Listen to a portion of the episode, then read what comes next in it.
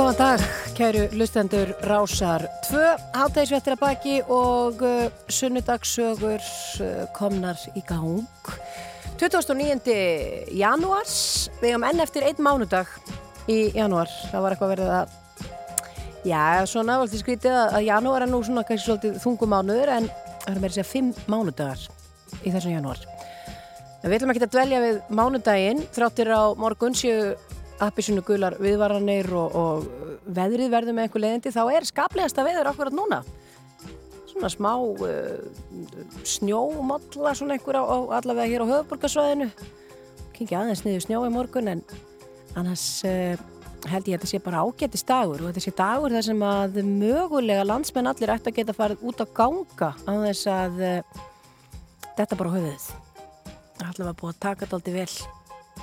Svellið En ég heiti Guðrún Dísir, umsjónum að þáttar hans í dag og uh, verð á eftir með uh, viðtal við hana Sera Margreti Lilju Vilmundadóttur. Þannig að hún er gestur sunnundarsagna þessu sinni og uh, sögum þess að það er sunnudagur og það vil nú þannig til að það eru dagarna sem er brjálað að gera hjá prestum þá hitti ég hana núna rétt fyrir helgi þar sem við rættum saman. Og uh, spjörluðum allt milli heimins og, og jarðar. Hún er sem sagt uh, prestur í fríkirkjunni í Hafnafjörði og hafði frá ímsu að segja. Ég er sem að byrja þetta bara á smá tónlist. Góðu dagur í dag. Um að gera að uh, já, nýta hann vel. Er þetta hendi vöflur? Út að ganga og svo er það sjálfsög handbóltinn fyrir maður spytur við það hérna eftir. Það er handbólta veistla uh, setnipartinn og í kvöld. Og þrátt fyrir að við séum ekki með þá verðum maður að fylgjast með. Þetta er úslitt í HM þannig að þetta verður veistla ég ætla að byrja þetta á uh, já, mínum mönnum. Þetta er uh, eina mínum uppáhaldsveitum þetta er uh, skítamónall þetta segir svolítið sælt þetta lag heitir Þú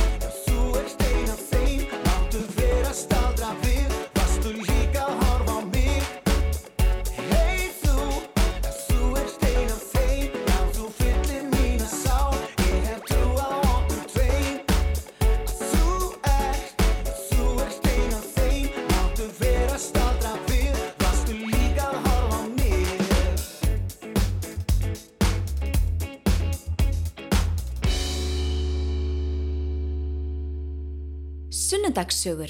Alla sunnudaga strax eftir hádegisfréttir.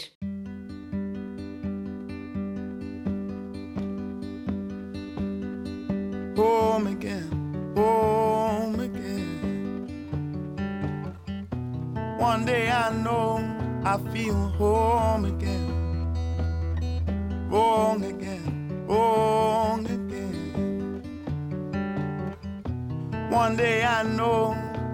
feel strong again.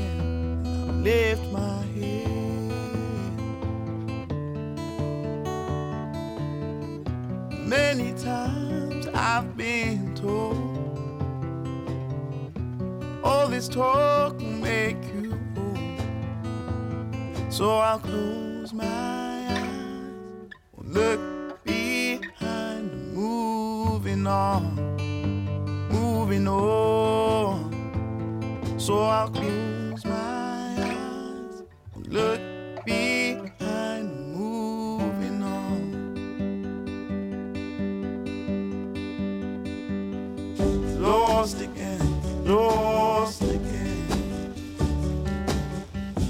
One day I know our paths will cross again. Smile again, smile again.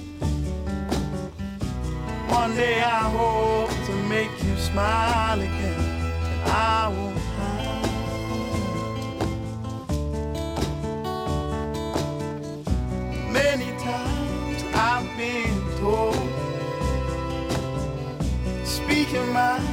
just bold So I'll close my eyes Will look behind, moving on Moving on. So I'll close my eyes And the tears will clear. Then I'd feel no fear. Then I'd feel no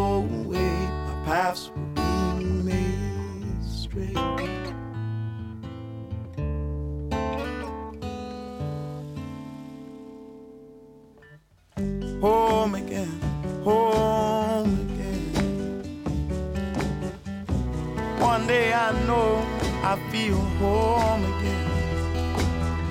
Wrong again, wrong again. One day I know I feel strong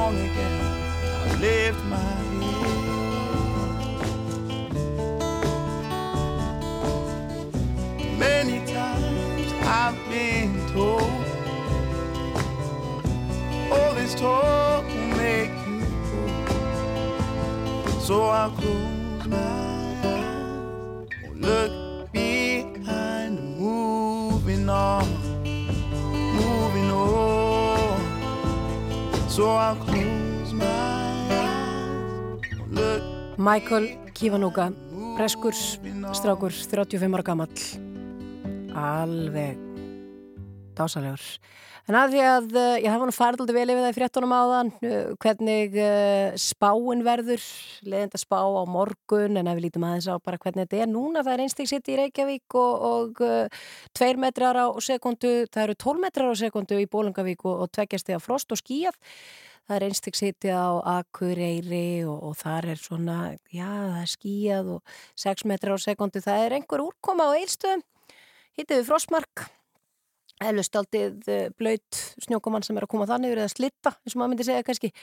Og kirkjubæðaklustur þar hitti líka við frostmark og nýju metrar á sekund og það er vaksandi austanátt á morgun 13 til 18 næri hádegi og það er til snjókoma. En þurftum norðanvert landið og það verður austan 18 til 28 metrar á sekundu undir annar kvöld og snjókom eða jél og það verður kvassast síðst á landinu.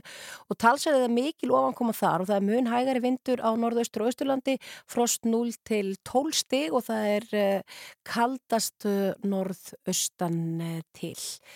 Og já, að því að við vorum aðeins að tala um handbóltan áðan að þó að, já, handbólta áhuga okkar íslika hafi minka töluvert eftir að við duttum út, út af mótinu háum Karla. Þá er samt spátn og, svíþjóð að fara að eigast við klukkan 5. Þetta er sínt á rúf 2 og háum stofan er síðan á sínum stað með okkar sérfræðingum klukkan 19 og uh, svo er það Danmörk, uh, Frakland. Þannig að það er hörku, hörkuleikur í kvöld. Bara að henda kjúklingaleggjum með einhver í opnin og, og, og hafa það bara hugulegt. En við ætlum að fá pínulítið meiri tónlist og uh, svo er það gestur minn í sunnundarsögum hér eftir smástund.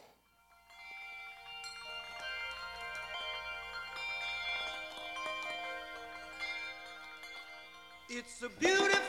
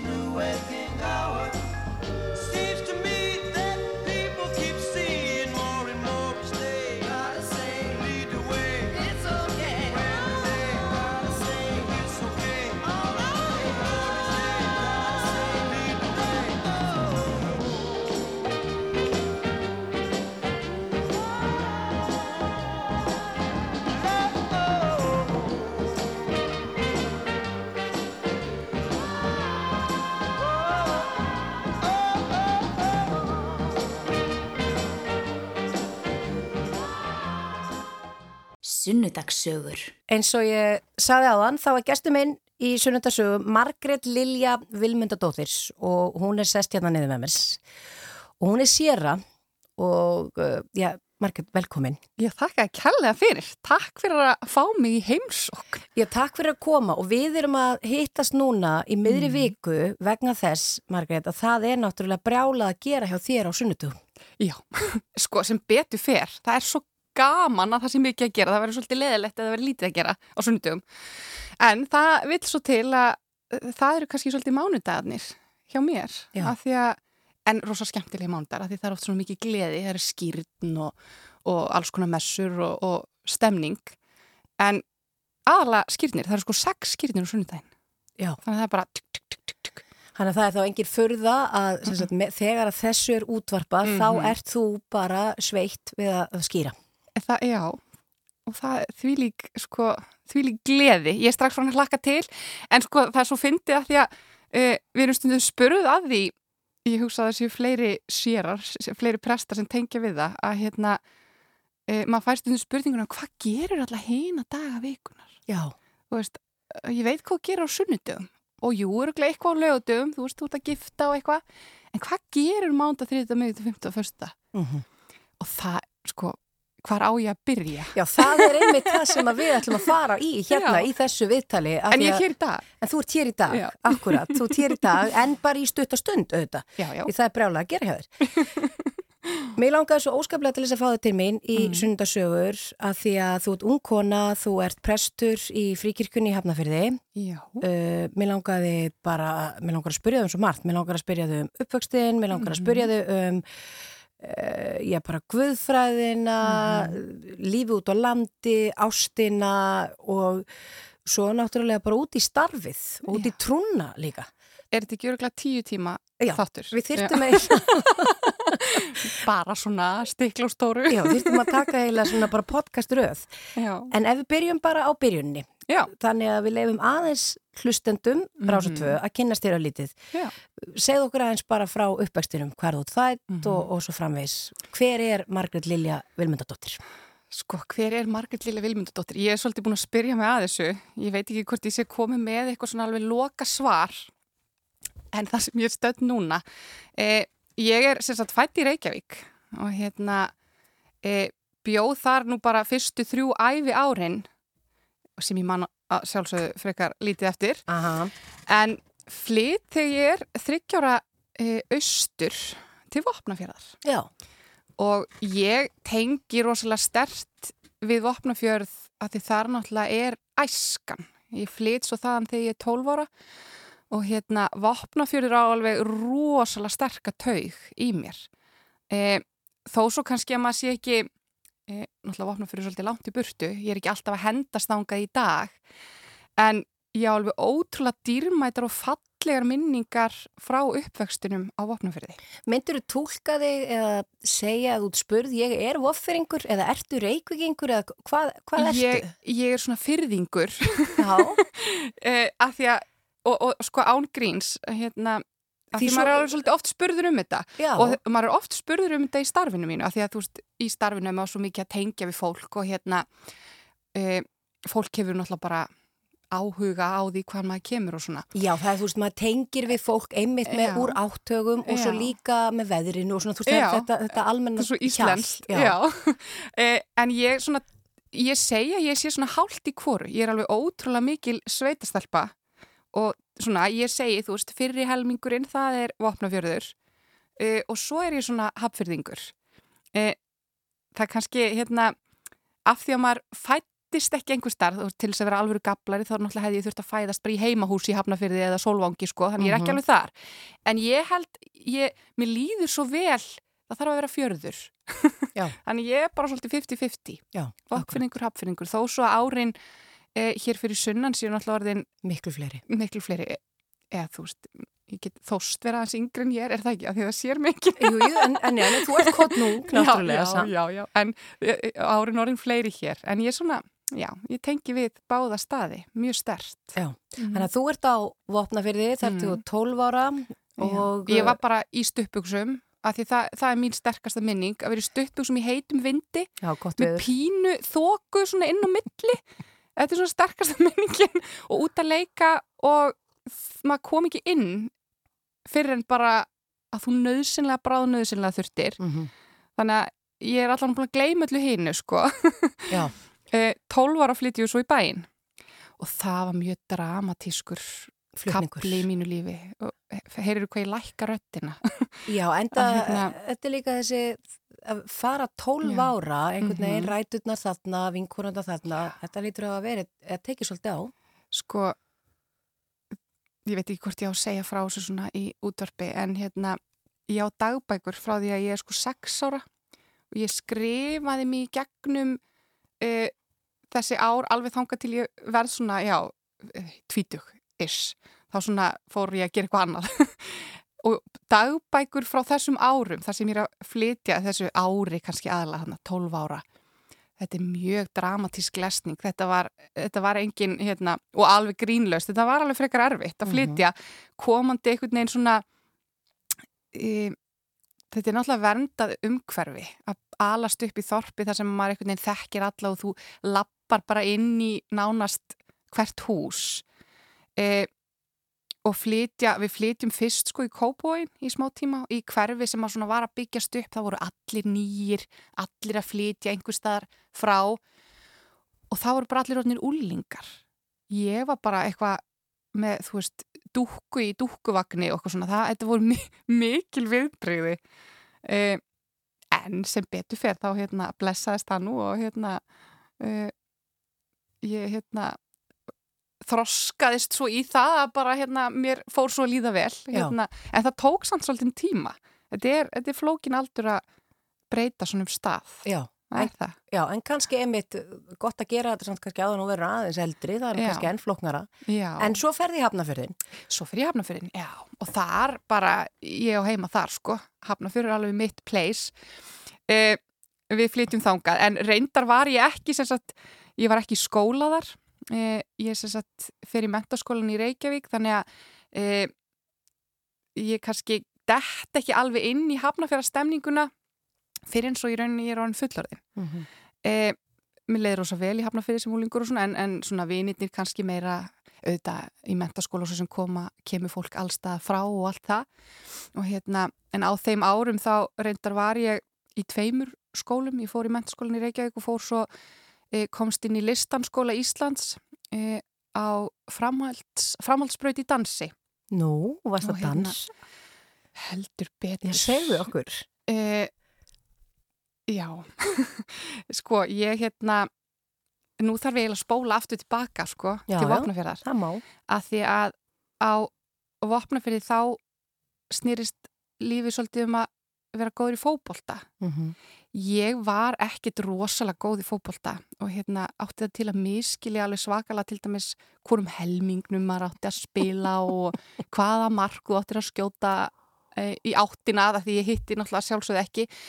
E, og ég átti mig draumum að verða ballerína sem var svolítið flókið því það var ekki hægt að læra ballett á vopnaferði þannig ég kendi mér sjálf. Ég semst fekk ballettbók þú veist alveg bara og læriði bara ballett e, ég, þú veist, það má deilum það hversu eh, þú veist, vel það var gert en það var að mikil ástríðu.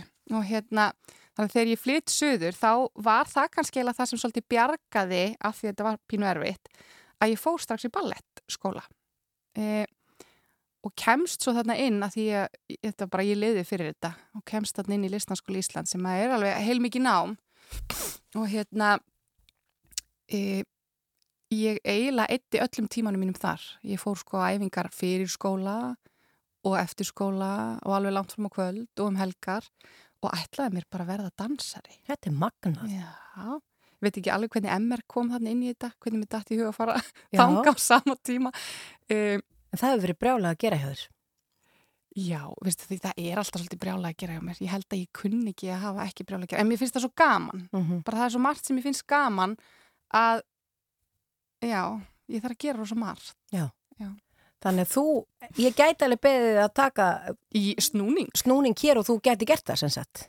bara já, að sjálfsögðu Vá. ég bara, hérna og ég var alveg þar, sko ég stemdi bara á ballett, sko príma ballerínuna, sko ég ætlaði ekki að fara eitthvað ég, veist, ég ætlaði bara að vera þar Já. e, sem reyndar gekk bara alveg frekar vel svona framan af og, og ég hérna var svo búin að sækja um skóla bæði reynda nei, listaháskólan hér, þá var að byrja dansnám í listaháskólanum þá er ég hérna rétt tvítug Mm. og sækjum líka uh, út í Amsterdam og uh, fleiri stöðum að því að bara læra meira en þá slasaði ég mig í baki nú kemur önnur svona sorgarsa þannig ég þurfti að breytum stefnu í lífinu sko. Ke- koma bara örlögin, Já, örlögin grípa Já. þannig inn í. þarna gerðist eitthvað sem að breyti þessar breytingar sko, Já. stundum náttúrulega óumbeðnar uh, sem að hérna, koma manni stundum á okkur aðra braut og mér fannst það mjög súrt uh, til að byrja með en mér finnst það í dag þá svona raðast púslinn saman alveg, já, já. Það átt Hérna. að fara svona. já, eða þú veist, maður getur sett það þannig upp. Mm e, þó svo ég hald reyndar að, að hérna e, maður getur farið með lífið sitt í rosalega margar áttir. Og hérna en þarna raðast eitthvað upp með þeim hætti allavega þannig að ég enda það sem ég er í dag. Þó svo þetta sé ekki endapunktur sko. Að hérna e, það er rosa fallegt að horfa og þá, þá getur maður einhvern veginn raða púslunum saman og skilur af hverju maður er það sem maður er Mm.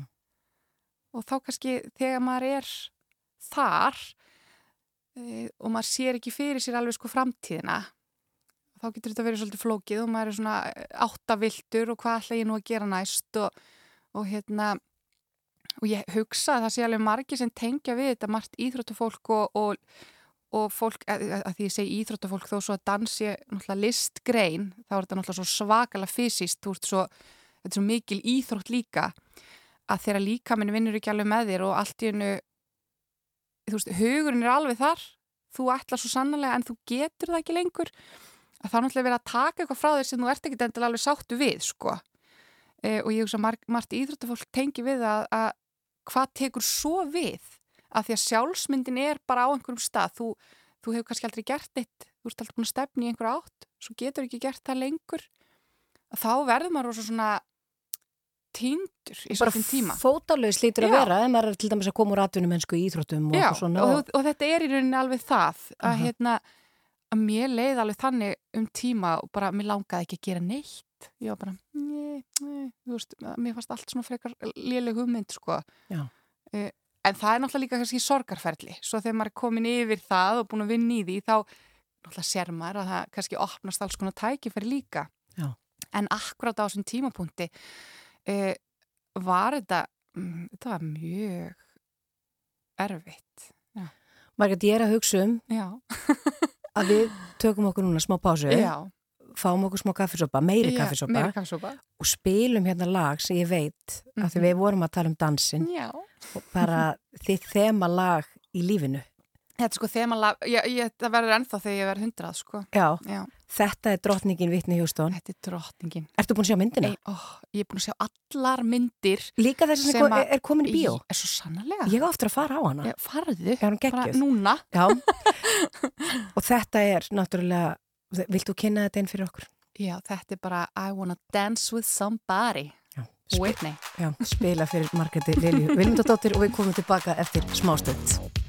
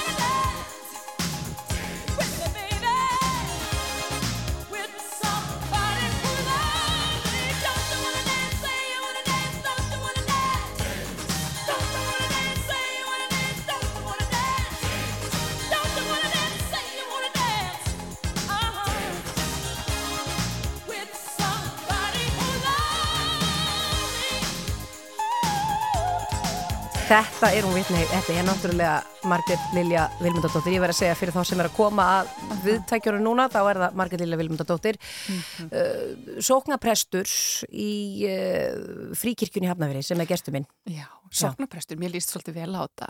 það ekki? Jú, sko, við erum tveir prestar í fríkirkjunni Hafnafyrði. Það má ekki segja sóknaprestur Uh, sko, fríkirkjunni Hafnafyrði, þá er þetta aðeins öðruvísi.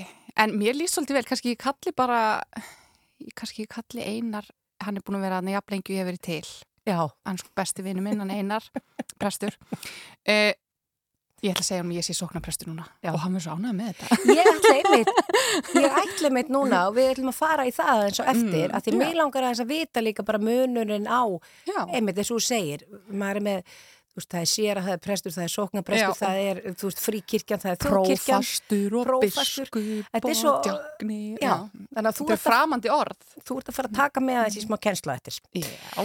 En við vorum að- skilja í rauninni svona aðeins við úlingsárin, vorum Mm. að skilja við það þegar að þú hafðir hugsaður að verða bara ballerína og mm Mhm. atvinnu maður í, í dansi og, og þú meiðist í bakinu og, og, þart svona, ert, já verður eðlilega, myndast tómarúm og svona bara sorg og söknur yfir því að geta ekki gert það. En þú Mhm. ert í MR þarna og svo tekur nú eitthvað annað við Já. þegar þú svona nærða fóta þig aftur. Algjörlega, sko ég, á þessum tíma þá er ég að vinna í Reykjadal eh, með námi og, og, og svona á sumrin og hérna helgar og svona. Reykjadalur sem er hérna eh, sumar og vetrar dvöl fyrir eh, fölluð börn og ungmenni eh, sem að ég held að sko og ég er ekki að gera, ég, ég bara segja alveg svo er að það er svona stærsti skóli lífsins. Þú veist, bara það, ég vann þar sérst í tíu ár, það er alveg heil langu tími. Uh, og ég er þarna á þessum tíma að vinna þar. Uh, og held því svona aðeins áfram, þú veist, og ég bara pínu svona að reyna að ná áttum og hvað mér langaði að gera og mér langaði nefnilega ekki í háskóla nema að það tengdist listum. Og ég reyni þarna sækjum uh, leik, leiklistar uh, deildina í uh, listaháskólanum. Og það, sko það er reyndar önnur, það þarf annar viðtal til þess að tala, Þa, til þess að tala um það í podcast þetta tvö hjá Já, okkur. podcast þæ- þætti tvö Já. hérna, að, þannig ég svona fó, prófaði alls konar svona einhverja leiðir sem að hérna áttu svolítið að koma, ég var að reyna að finna mér eitthvað annað og hérna maður getur orðið svo ótrúlega týndur e, fór og læri íslensku í Mhm. háskólanum og hérna nema að þegar ég þegar koma því að skrifa sagt, rítgerð, býja rítgerðina þá allt í nú bara, ah, veist ég, ég þessu nenni ég ekki, ég bara hvað er ég að gera? Og hérna, samt finnst mér alveg, þetta var áhugavert nám og, en ég bara einhvern veginn fann mig ekki. Þá er ég á okkur kynningu þarna, svona einhverju háskóladagar eða eitthvað svona og ég sé bækling frá Guðfræðdeldinni uh, og ég er eitthvað bara svona skoðið og, og þetta er svolítið hérna um, nú veit ég ekki eins og hvort að prestur má segja þessa Jú, þú sögu. verður að segja þess að sögu því ég er svo, ég, að því ég komi með þetta út í já, neða því mér langar svo að vita hvað það var sem að kveikti þennan nista hjá þér. þetta e, er það að hérna, ég, sko, ég hef alltaf, ég reyndar man ekki eftir því að hafa ekki trú á Guð sko. þannig hérna, ég er náttúrulega alin alveg upp þú veist, við að byggja bænir og hérna alin upp við rosalega jákvæða e, svona upplifun bara af trú og hvað, hvað trú hefur ofsalega jákvæð áhrif e, á lífið hjá manni. Og þannig er ég ekki end- endilega bara að tala um eitthvað, þú veist, kristna trú heldur bara þegar þú trúir á eitthvað æðra í lífinu þá er það svo ótrúlega það er svo mikið gagn í því að þú, þú getur alltaf leitað í eitthvað sem að svona hjálpar þér áfram. Og hérna sem að kannski, þú veist, ég geta hans líst betur á eftir. En e, þegar ég var 17 og ætlaði mér að vera dansari sko og allt snýrst um það að þá höfðu við vinkonurnar í góðu gríni. E, hún er svona vinkonu hópur í MR sem að við fórum til spákonu. Og hérna spákonu sem að hérna ofsalega hress kona kom heim til okkar og hún svona tók hverja og eina svona í smá, alveg bara hálftíma held ég þar sem hún var alveg bara því, að þvílíkri innlifun að spá fyrir okkur. Fyrirgæði mamma. Ég, ég þarf að segja til leiðina því hún er, hún er mjög mótfallin þessu sko. Já, þó svo ég sé hann 37 30 eitthvað, eitthvað pluss það. E, og hún sem sagt tekur þarna vinkonu mína sem voru svolítið á svipuðum stað í lífinu sko í dansi og svona.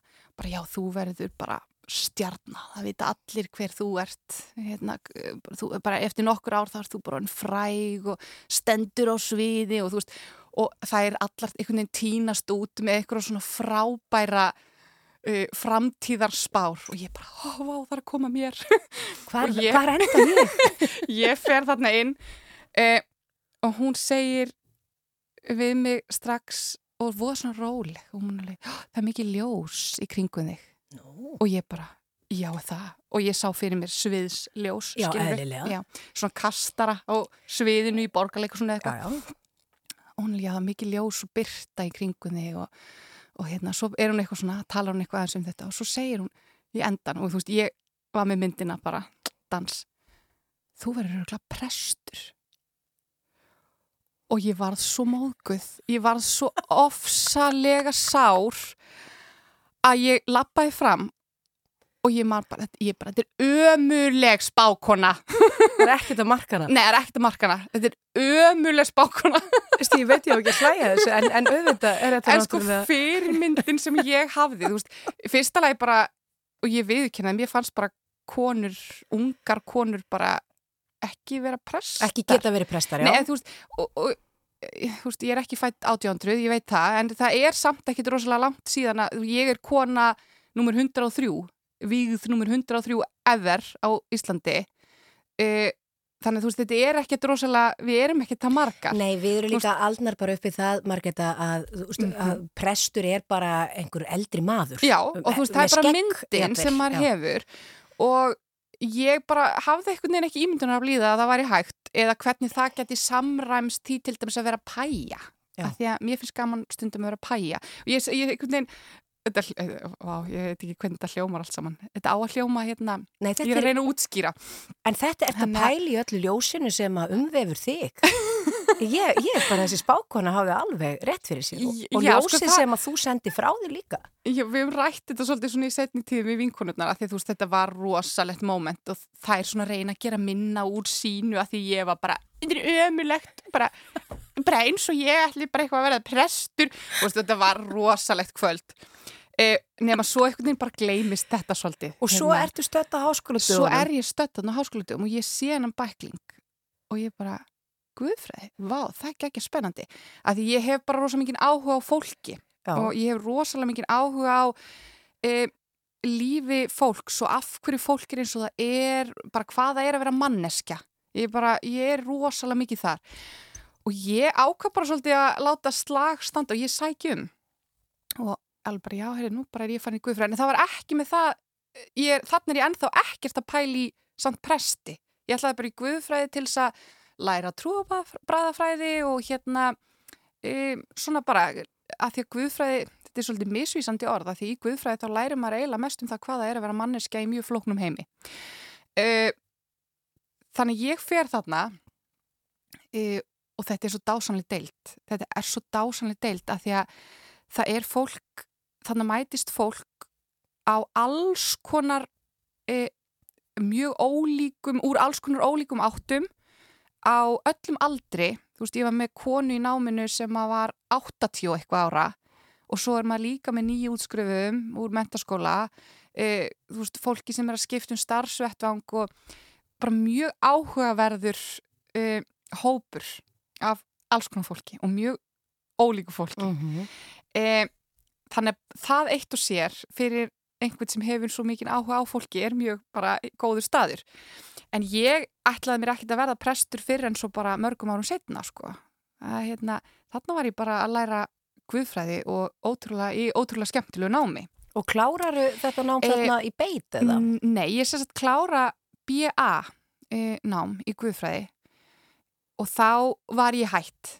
Þá var ég bara, nei, þú veist, nú er þetta bara orðið fínt í byli og þú veist, að ég ætla ekki að verða prestur, en ótrúlega gaman, búin að læra þessa guðfræði og þá fór ég bara að vara flugfræða. Eh, Því það tengist náttúrulega rosa mikið guðfræði Já, og hérna, ég vann hjá Æslandi þannig um tíma. já. Eh, Það er samt einhvern veginn, einhvern er- veginn skýjum ofar og, og ég svona. sko, það er Já. tengdara en þú heldur. Ég sé að þú horfir á mig og he- heldur að þetta tengst ekki neitt. En, sko, flugfræðan sem að tekur þarna á móti fólki og sálgæslan sem þú sinnir sem flugfræða. Bara halleluja, sko. það, hún er mjög mikil. Nei, það er ekkit Eh, grín að vera flugfræðin, Nei, sko. Það þetta er mjög þetta er erfitt eitt starf. erfiðasta starf sem ég verið í bara á æfi minni uh, og það, þú veist þessi dýrðarljómi sem var svolítið hérna þegar þú horfir okkur svona Panam, eitthvað svona, þú veist ég meina þetta er dásamlegt starf en það er líka rosalega erfitt. Og getur verið mjög einmannalegt af því að þú ert náttúrulega svo mikið, þú ert alltaf að vinna með uh, aldrei með sama fólki og svo ertu bara allt í einu einhver staðar já, einhver staðar í stoppóer og svolítið, eh, þú veist Já, já. maður er einhvern veginn alltaf í því sko. Þannig ég fyrir bara í það þarna og kynntist sko manninu mínum þarna í millitíðinni í guðfræðildinni sko. Nú, þú kynnist honum í Guðfræðil. já, svo eldi ég hann ég tek hann sko ákvörnum að e, þannig er hann nefnilega búinn með guðfræðina aðeins og undan mér. E, og ég er hérna að vinna í fluginu og ég er hérna að klára rítgerinu mín og eitthvað svona. Þá flytur hann sér satt vestur og fyrði og við erum nýbúin að kynnast og æ, sko ástin. Ma, maður fyrir svolítið hérna þá bara allt í nú þurfti ég að fara vestur. Hérna Og ert að fljúa þá? Já, sko, og þetta er, það er, já, ég hérna var að fljúa og þetta er sko í alvörunni þannig að ég átti síðasta flugum mitt, ég segi sko upp til þess að fara svo vestur uh, í nýtt ævintýri. Uh, og ég flög sem sagt, ég átti síðasta flugum mitt var til Seattle, flýg til Seattle, uh, kem heim þarna snemma morguns, hafði bara rétt tíma til þess að fara á flugvöllin í Reykjavík, ég náði ekki einu svona skiptum fött, ég var bara ennþá í flugfuttdressinu með eina flugfröðutösku Glæsileg. og flýg vestur Já. og ég hefði aldrei komið til vestfjörða ég skamast mín fyrir að segja þetta en þannig er ég að koma í fyrsta skipti til vestfjörða e, til þess að prófa að búa þar e, með manninum sem ég var svo ástfangin af Já, við verðum að st- standa Já, að stopp, stopna stopp, þess við. Já, sko, þú verður að segja, við verðum að segja hlustendum hver er Mm. maður þinn. Já, Og, og þið eru búin að vera þarna þá hvað lengi saman þegar þú ert að stökkva vestur í fluffugalanum til þess að fara að búa fyrir vestnan, aldrei komið á gáður. já, En það er ekkit ótrúlega kannski, Margrét Lilja, því þú elstu upp á östfjörðum sem eru svolítið langt frá vestfjörðum. já, þá var maður alltaf bara að fara söður eða til Já, eða eitthvað Ég maður- kannast þetta Já, alveg já, upp á bara tíu, sko. Já, þú þekkir þetta Já, en, en já, ok, þú ert búin að þá þekkja hann þarna hvað lengi? Sko e, Eða, eða, frekar stutt, eða þannig sko. Þetta Þetta er bara ástin. ég, ég, ég tek samt oft svolítið svona ákvarðanir sko. e, það er, það, við kynnumst í Guðfræn en hann var ekkit rosalega, hann er rosalega döglegur í félagslífinu þú veist, hann var, hann var þú veist, þarna var hann í, í stúdendaráði og hann var í hinn og þessu e, þannig að við vorum í rauninni aldrei búin að hittast e, þegar að hann kemur hérna í einn tíma e, í grísku, maður læri grísku, fort grísku í Guðfræði og hann skrifa svo fallit ljóð með, með, sko, já, á, á blað hjá mér í stílabókina og þar var ég bara, þú veist, Þetta var bara sleið. ég, Það já. sleið. Já, og við kynnu fyrst erum við svona vinir og eitthvað svona og, og svo bara þróast það og, Og maðurðinn he- er, hérna, segðu okkur hver það er. hann heitir Pétur Georg Markan og hann er uh, biskupsritari eins og er, Já. uh, starfandi biskupsritari Þetta er Og nefnilega, hérna- þetta er svo gama, við höfum nefnilega að ræða það miklu meira á eftir Mhm. um allt þetta, hvað Guð er einhvern veginn Já, við mikið í ykkar skiptum sko eldúsborðin í tvent af því að það er sko þjóðkirkjan og fríkirkjan Svo bannað að ræða þetta heima Nei, ég er ekki einst ok, uh, þannig að þú mm -hmm. ferð í fluffugalanum vestur Já. og hvað, af hverju er hann komin vestur? Heyrðu, þarna var bara eitthvað svona smá hann er að klára svona fótboltaferilinn sinn Já, og hann langaði uh, hún bauðst sagt að koma vestur og, Og spila. spila með B.I. Bólungavík á Ísafyrði.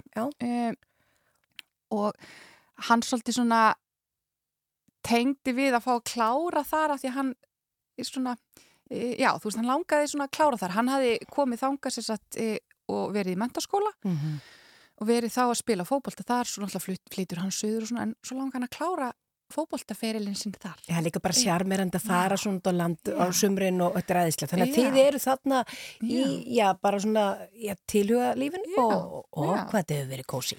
flytjum svo sko til Súðavíkur mm og þetta var mikil lífsreynsla Ég- þaðan á ég sko ofsalega marga góða vini e, og þessi ár, við sko ætlum að vera eitt ár. Ég ætlaði að klára að skrifa reitgerina mín í Guðfræði og svona. Á hvað þá reyndar að skrifa líka reitgerina mín í íslensku fyrst ég hafði nú byrjað á þessu, skilur Já, klára það. og svo bara eignuðust við eitt bann og hérna og svo fleiri. En við endum á því að vera í sjö ár. Já. þannig að eina árið varð allt í einu einhvern veginn eins og bara hendi sér veifað að sjö árum. Og hérna af því að honum bauðst svo sem sagt að vera sveitastjóri í Súðavík og hérna sem var alveg ótrúlega lærdómsríku tími held ég fyrir okkur bæði. Og mjög hérna mikill skóli að búa þarna í náttúrulega e, þetta er lítið samfélag, mjög lítið samfélag. En það er samt svolítið þannig að e, veist, ég til dæmis starfaði á Ísafyrði, þetta er náttúrulega Súðavík og Ísafyrði svolítið tengt þó svo að Mhm. vegurinn sé hrein hörmung hann á milli Kvöllum eftir betri veg eða göngum. Já, bara sko, fólk það náttúrulega keira þarna til þess að skilja þetta er náttúrulega, Já. að því ef það er ekki snjóflóð þá er grjótrun og ef það er ekki grjótrun þá eru kindur Já. og þetta er stundum eins og að vera í ykkur svona Super Mario y- ykkurum, þú veist, og það er allt árið þú veist, það er alltaf eitthvað það, já, það er áhugavert en þetta var hérna, við vorum svolítið svona þessi ár fyrir mér voru svolítið svona eins og að vera í hreyðri svona þegar ég er að hugsa um þetta tilbaka af því að hérna það fór ótrúlega vel um okkur og, og eins og ég segi við eignumst marga góða vini og hérna og þetta var alveg ný lífsreynsla. Fyrsta árið þá var ég alveg á leiðin aftur söður af því að bara nei, nú, þetta kom fínt, nú ætlum ég bara aftur söður af því að maður þarf að kynnast sjálfum sér upp á nýtt. Þegar maður er í svona litlu samfélagi e, þó svo ég sé náttúrulega vönði frá því ég var barn og, og, og allt þetta að þá svona þú þarft að hæja á uh, og þú farið svo mörg hlutverk að því að þú ert í litlu samfélagi þá ertu, þú þarft að taka þátt í öllu og þú ert náttúrulega umgangast alla uh, og þetta hefur kost og galla.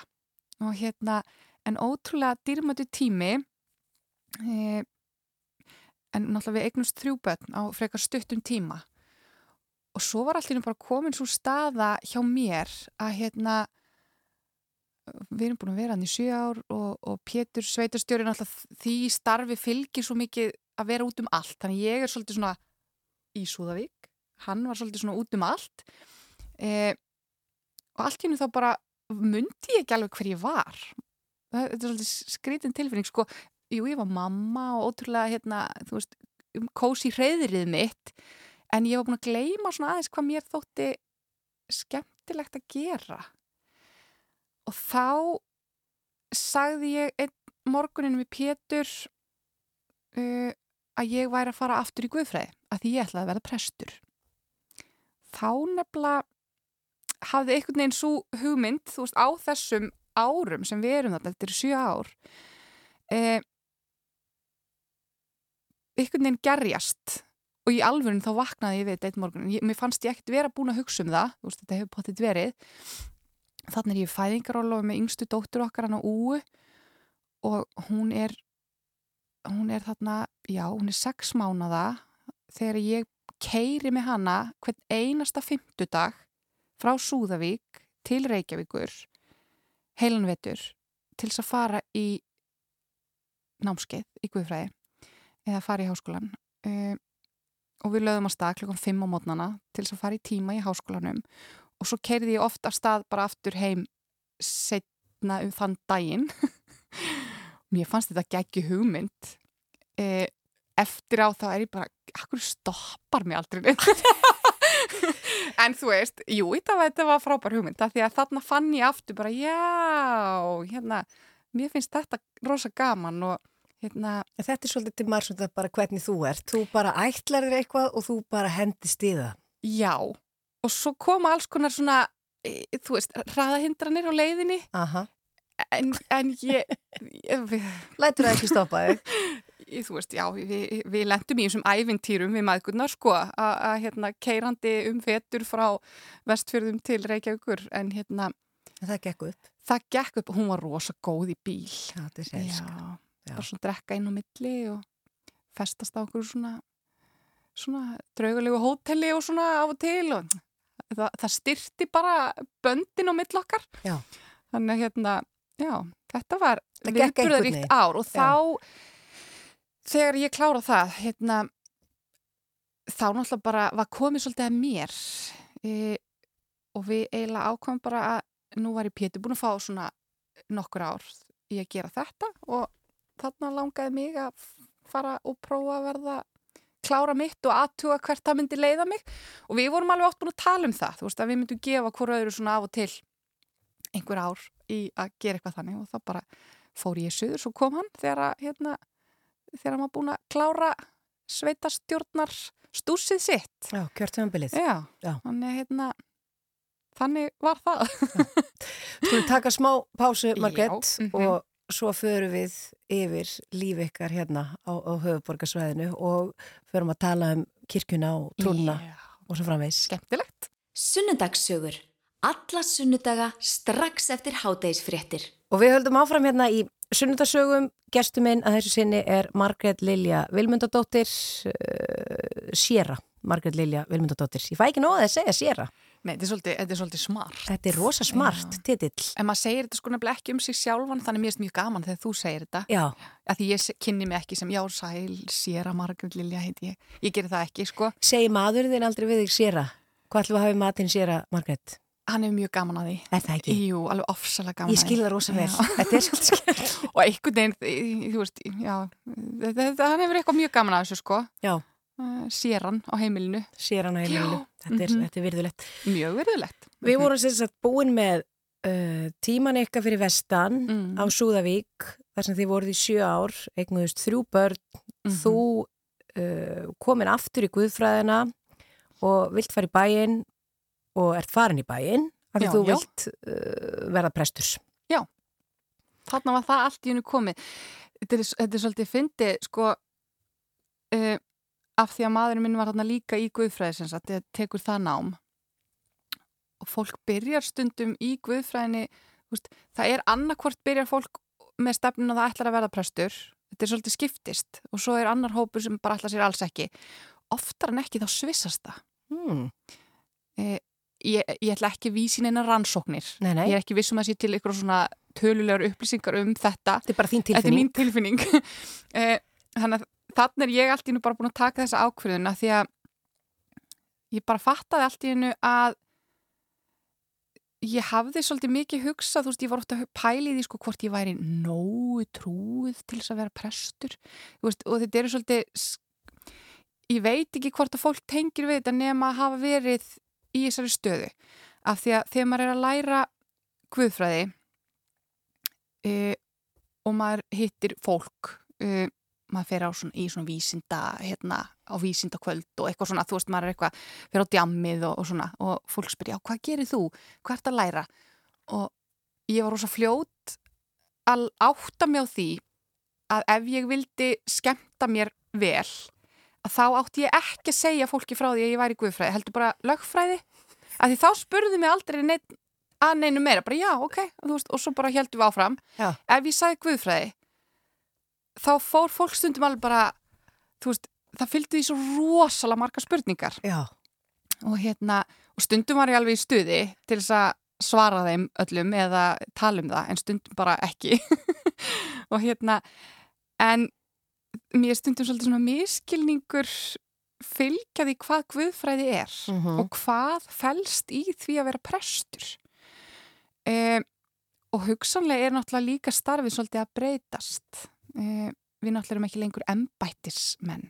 E, við bara hérna ég er bara prestur og starfa bara eins og aðrir, skiluru einu sinni var þetta svona embættismanna hérna, system. Uh, sko mér finnst stundum eins og ég get ekki beint sagt að ég sé í vinnu af því að þetta er svo ólíkt held ég allavega flestu sem ég hef unnið við. Uh, og sko ekki það, ég er nánast í vinnunni allan sólarringin, sko, en það er svo gaman. Og ég elska það sem ég geri af því þetta tengist því að vera með fólki e, í gleði og sorg og að mynda tengslu fólk uh, og vera einhvern veginn þú veist, það er bara rosa flóki að lýsa þessu Maður, það, heyrðu, ég þyrfti eiginlega að fá bara fólk í svona konti starfsnám einn dag til að Mhm. kynnast starfi prestsins uh, þetta er alveg ótrúlega forréttindi og ég hafði í rauninni ekkit alveg ég vissi ekkit alveg út í hvað ég var að fara uh, þegar ég byrjaði Nei, þegar þú tekur þessa ákvörðan þegar þú bara byrjar í þessu starfi. Já, sko, og þetta raðast allt svona hálf, hálf furðulega saman svona þegar, þegar ég lítið baka því að ég hann að klára Guðfræna og við erum þá flutt til Hafnafjörðar og ég er sem sagt að, já, klára Guðfræna og mér skrifa þarna rítgerð ég er náttúrulega með svona áherslu á siðfræði ég hefur svona áhuga á siðfræðinni í Guðfræðinni eða þannig, skrifa rítgerð sem að hérna er í rauninni magister rítgerðin mín tengist svona siðfræðilegri Guðfræði. Uh, það sem að hérna og það náttúrulega tekur svolítið tíma veist og það var önnur svolítið klikku ákvörðuna því ég skilaði þeirri rítgerð þremu vikum eftir ég ákvaða að byrja á henni. En það sem að lýsir kannski bara veist, ég bara verða alltaf svo einbytt í því sem ég ætla að gera.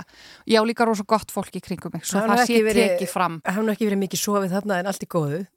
nei, en sko þegar maður byrjar og þegar maður fær ykkur að gegja hugmynd þá náttúrulega bara þarf maður svolítið að Kominni frá sér. kominni frá sér og leiðbeinandi mín alveg, Milla mín, nú ert þú svolítið byluð og ég átti svo góðan leiðbeinandi og hún talaði mjög skýrt við mig. Íslensku. uh, en hún segi já ég veit samt alveg að þú getur það. Þannig að þú veist það gerðist. En hérna ég klára þarna og þá er ég að vinna sem, sem uh, kirkjuvörður uh, sem sem í Hafnafjörði, ég er að vinna í Víðistæði kirkju þá sem kirkjuvörður sem að uh, ég gerði með náminu. Og þar kynnist ég presti uh, sem að heitir Einar Eyjólfsson. Og hann var þarna mikið kom og var oft með útfarir og, og annað því að náttúrulega presta geta farið á milli í kirkja, Kirkja. bara, já. Og ég hugsaði bara veist við kynnumst náttúrulega eins og við ofta spjalla við hann ofsalega hérna indæll maður. Og ég bara heyrðu, hann vantar konu. Það vantar konu starfandi konu í kirkjuna hjá honum, prest. Þannig að þannig er ég ennþá í náminu og ég send honum bref segi, bara segja honum svona hver ég er hann alltaf vissi þarna, deila á mér sko. Og bara ég, hérna ykkur vantar bara að fá konu með ykkur. Bara þeir eru með svo rosalega mikið og öflugt fermingastarf og þeir eru með svo hérna þú veist, það er svo mikið að gera og bara hérna, ég held ykkur vanti bara að fá mig til ykkar. E, ég á líka svona, ég á hvetjandi fólk í kringum mig, þannig þegar ég fæ einhverja svona hugmyndi þá bara já, hérna gerðu það. E, og ég sendi hann þetta bref og hann tekur svo vel í þetta. Þannig, og þannig er ég ennþá í náminu sko. E, og ég fer og sagt, vinn hjá honum eða hjá þeim í fríkirkjunni e, og tek fermingastarfið og, og hérna, það eru náttúrulega 200 fermingaböld þar á hverju ári sem er alveg dágóður slatti. Og hérna svo bara er ég að klára námið í, í fyrir tveimur árum, nákvæmlega núna í februar fyrir tveimur árum og þá bara byggst mér að vera prestur hjá þeim. Þá er ég búin að vera aðna með fermingastarfið og eitthvað svona. Þetta er svolítið sniðu leið, Mm. Mjög sniðug. Og hérna, Veist alveg hvað þetta gera. í, sk- mér langar svo að segja já, en þú veist, þetta er samt allt svo mikið svona ekkur happening bara. Og, þú veist, ég er nefnilega svo lítill plottari. Ég er svo mikið bara svona, hei, já, geggja tækifæri og Sko, þá fer ég bara í það. Spákona var búin að sjá þetta allt fyrir. Ég heldur það ekki. Jú, jú. Þetta eru ég, púsli. þetta er eitthvað sko, það er spurning.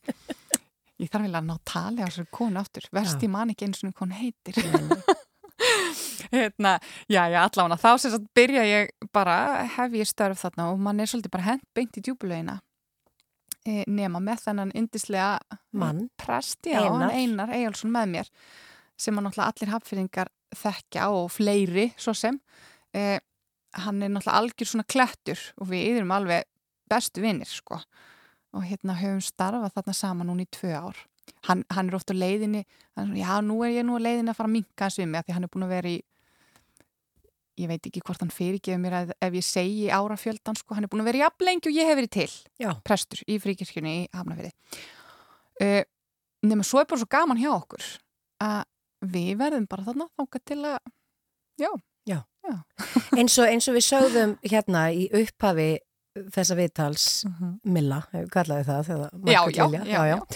Ég svara Þá- svo öllu. já, já, þá erum við að hittast hérna uh, um miðja viku vegna þess að það er Mhm. brjála að gera Já. eðlilega hjá þér á sunnudögum og, Mhm. og ég var búin að segja við getur komið á sunnudaginn, ég hugsaði þess að náttúrulega með mér áður en ég talaði við þig, það er ekki séns að ég fá hann á sunnudegi Eh, það er, það eru fjölbreytt verkefni Já, mjög. eins og þú segir sem prestur og þér líður ekki eins og vinnir eitt dag en þú ert samt alltaf í vinnunni Mm og ég meina þetta er krefjandi það hlýtur að Já. taka svakalega á líka en, en eins og þú segir -hmm. líka að taka þátt í rosalegum gleðistundum en Já. er þetta ekkit kvíðvænlegt sem þú ert að takast á við?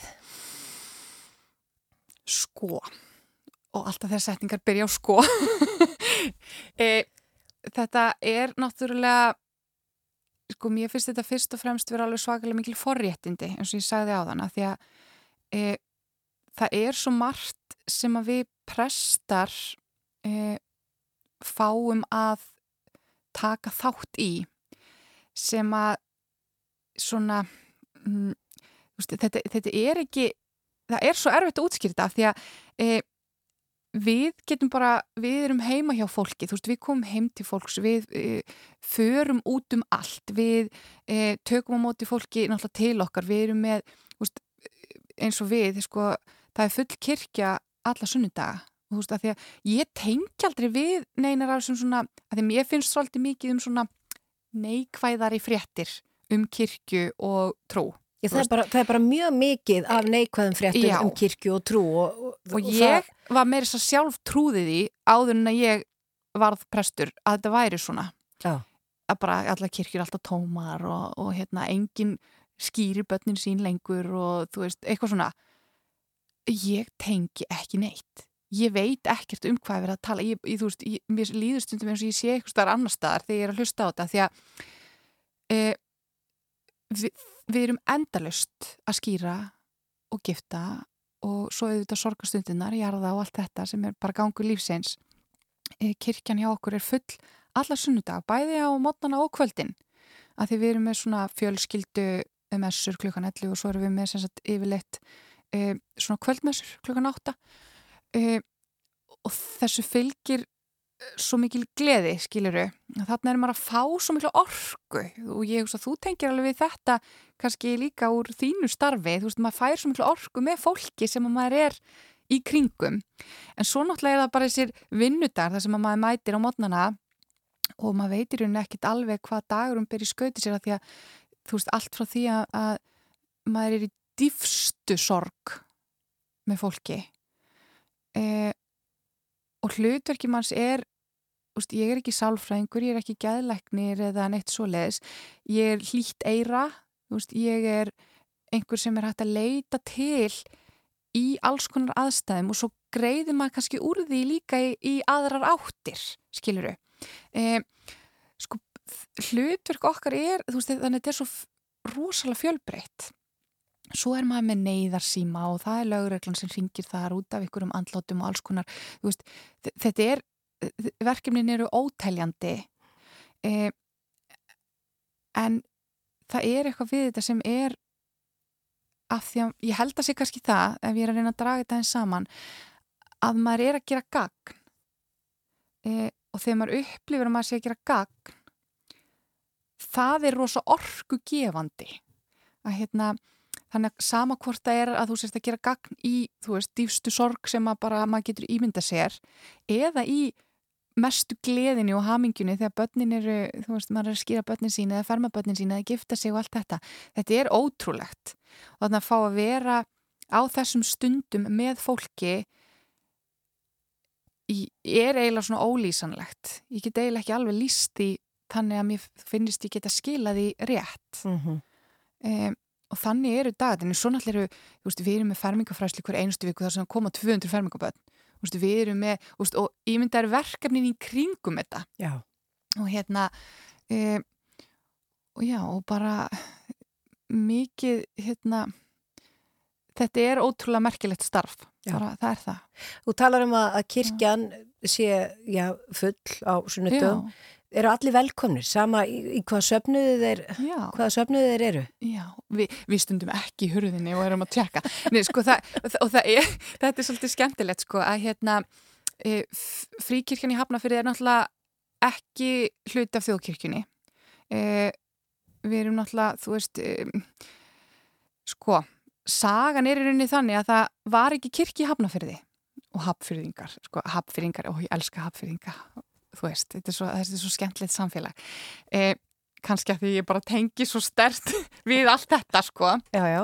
að hérna e, það er þetta er sko, við, við erum að tala um fyrir rúm 100 árum síðan, þá sem sagt þetta er 1913, þá var ekki kirkji hafnafyrir, hafnfyringa fór alltaf sem sagt e, í áttinað Áltanesi, Garðakirkju sem er svona og þetta var svolítið ferðalag veist, á, á þessum tíma. Ég meina, náttúrulega ekki þessi samgöngur eins og er í dag og svona.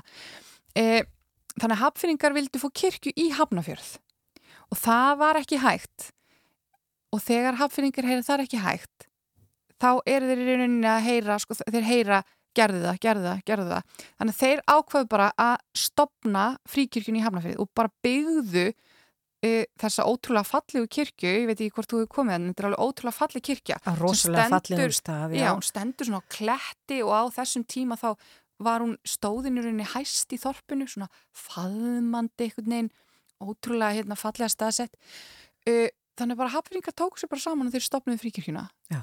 og fengu prest og þá er þeir bara þarna búin að stopna sér söfnuð en hún er náttúrulega alveg eins og þjóðkirkjan, þú veist, ég er uh, mentuð á alveg sama hátt og allir þeir sem fara svo starfi í þjóðkirkjunni og með sömu starfstjálfun og, uh, og ég viða biskup Íslands sem er þjóðkirkjunar skiluru uh, en svo er ég köllu þarna til starfa og þetta finnst mér ótrúlega fallegt og hérna að því að e, prestar, þó svo þú útskrifist með réttindin til þess að vera prestur, þá verður það ekki fyrir en þú færð brauð fyrir en þú ert kölluð einhver til starfa.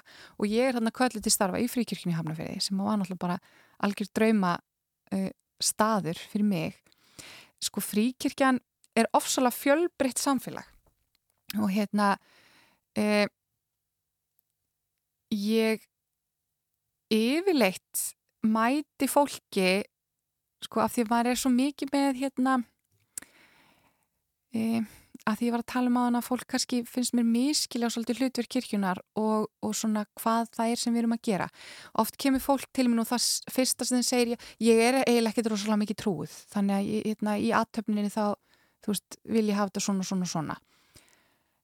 E, en ég sko þarna liggur nefnilega eiginlega miskilningurinn að því að e, þegar fólk kemur til mín þá spyrir hvað get ég gert fyrir þig hvar get ég mætt þér? Hvar ert þú? Og hvað vilt að ég geri fyrir þig í þessari stöðu sem þú ert? Og svo vinnum við okkur þaðan.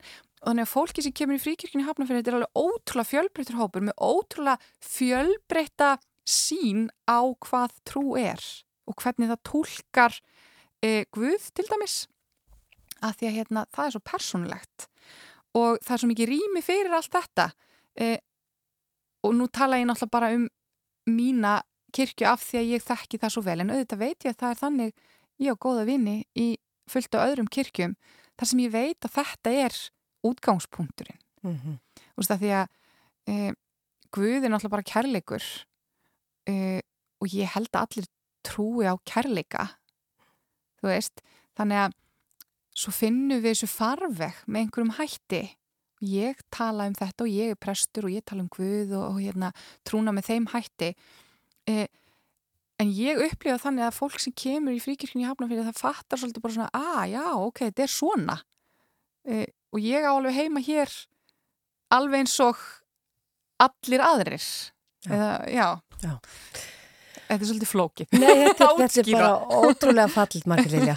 Og svona bara því að tímir er að hlaupa frá okkur Mhm. uh, ég reikna með að því að við töluðum um það að sko maðurinn hann starfar líka já, hjá, hjá sagt, já, þjóðkirkjunni. Já, hann sem þetta er biskupsritari hann ákvað sem þetta verða ekki prestur. Nei, nei, og hérna, að þið, en, en ég reikna þá með bara svona kannski í lokina að Mhm. ja, trúin, hún, hún hlýtur að skipta ykkur miklu málu og varst að gera grínaði á þann að það veri Mhm. skipt eldhúsborðið Sko við keiftum okkur rosalega fínt eldurspor með svona, það svona rauf yfir mitt borðið, öðru meinu þjóðkirkjan og hinn meinu fríkirkjan. Nei, en þú veist, við tölum vissulega mikið um svona mál. heimilinu enda- hlýtur að vera. Já, Já, já. alveg mjög mikið.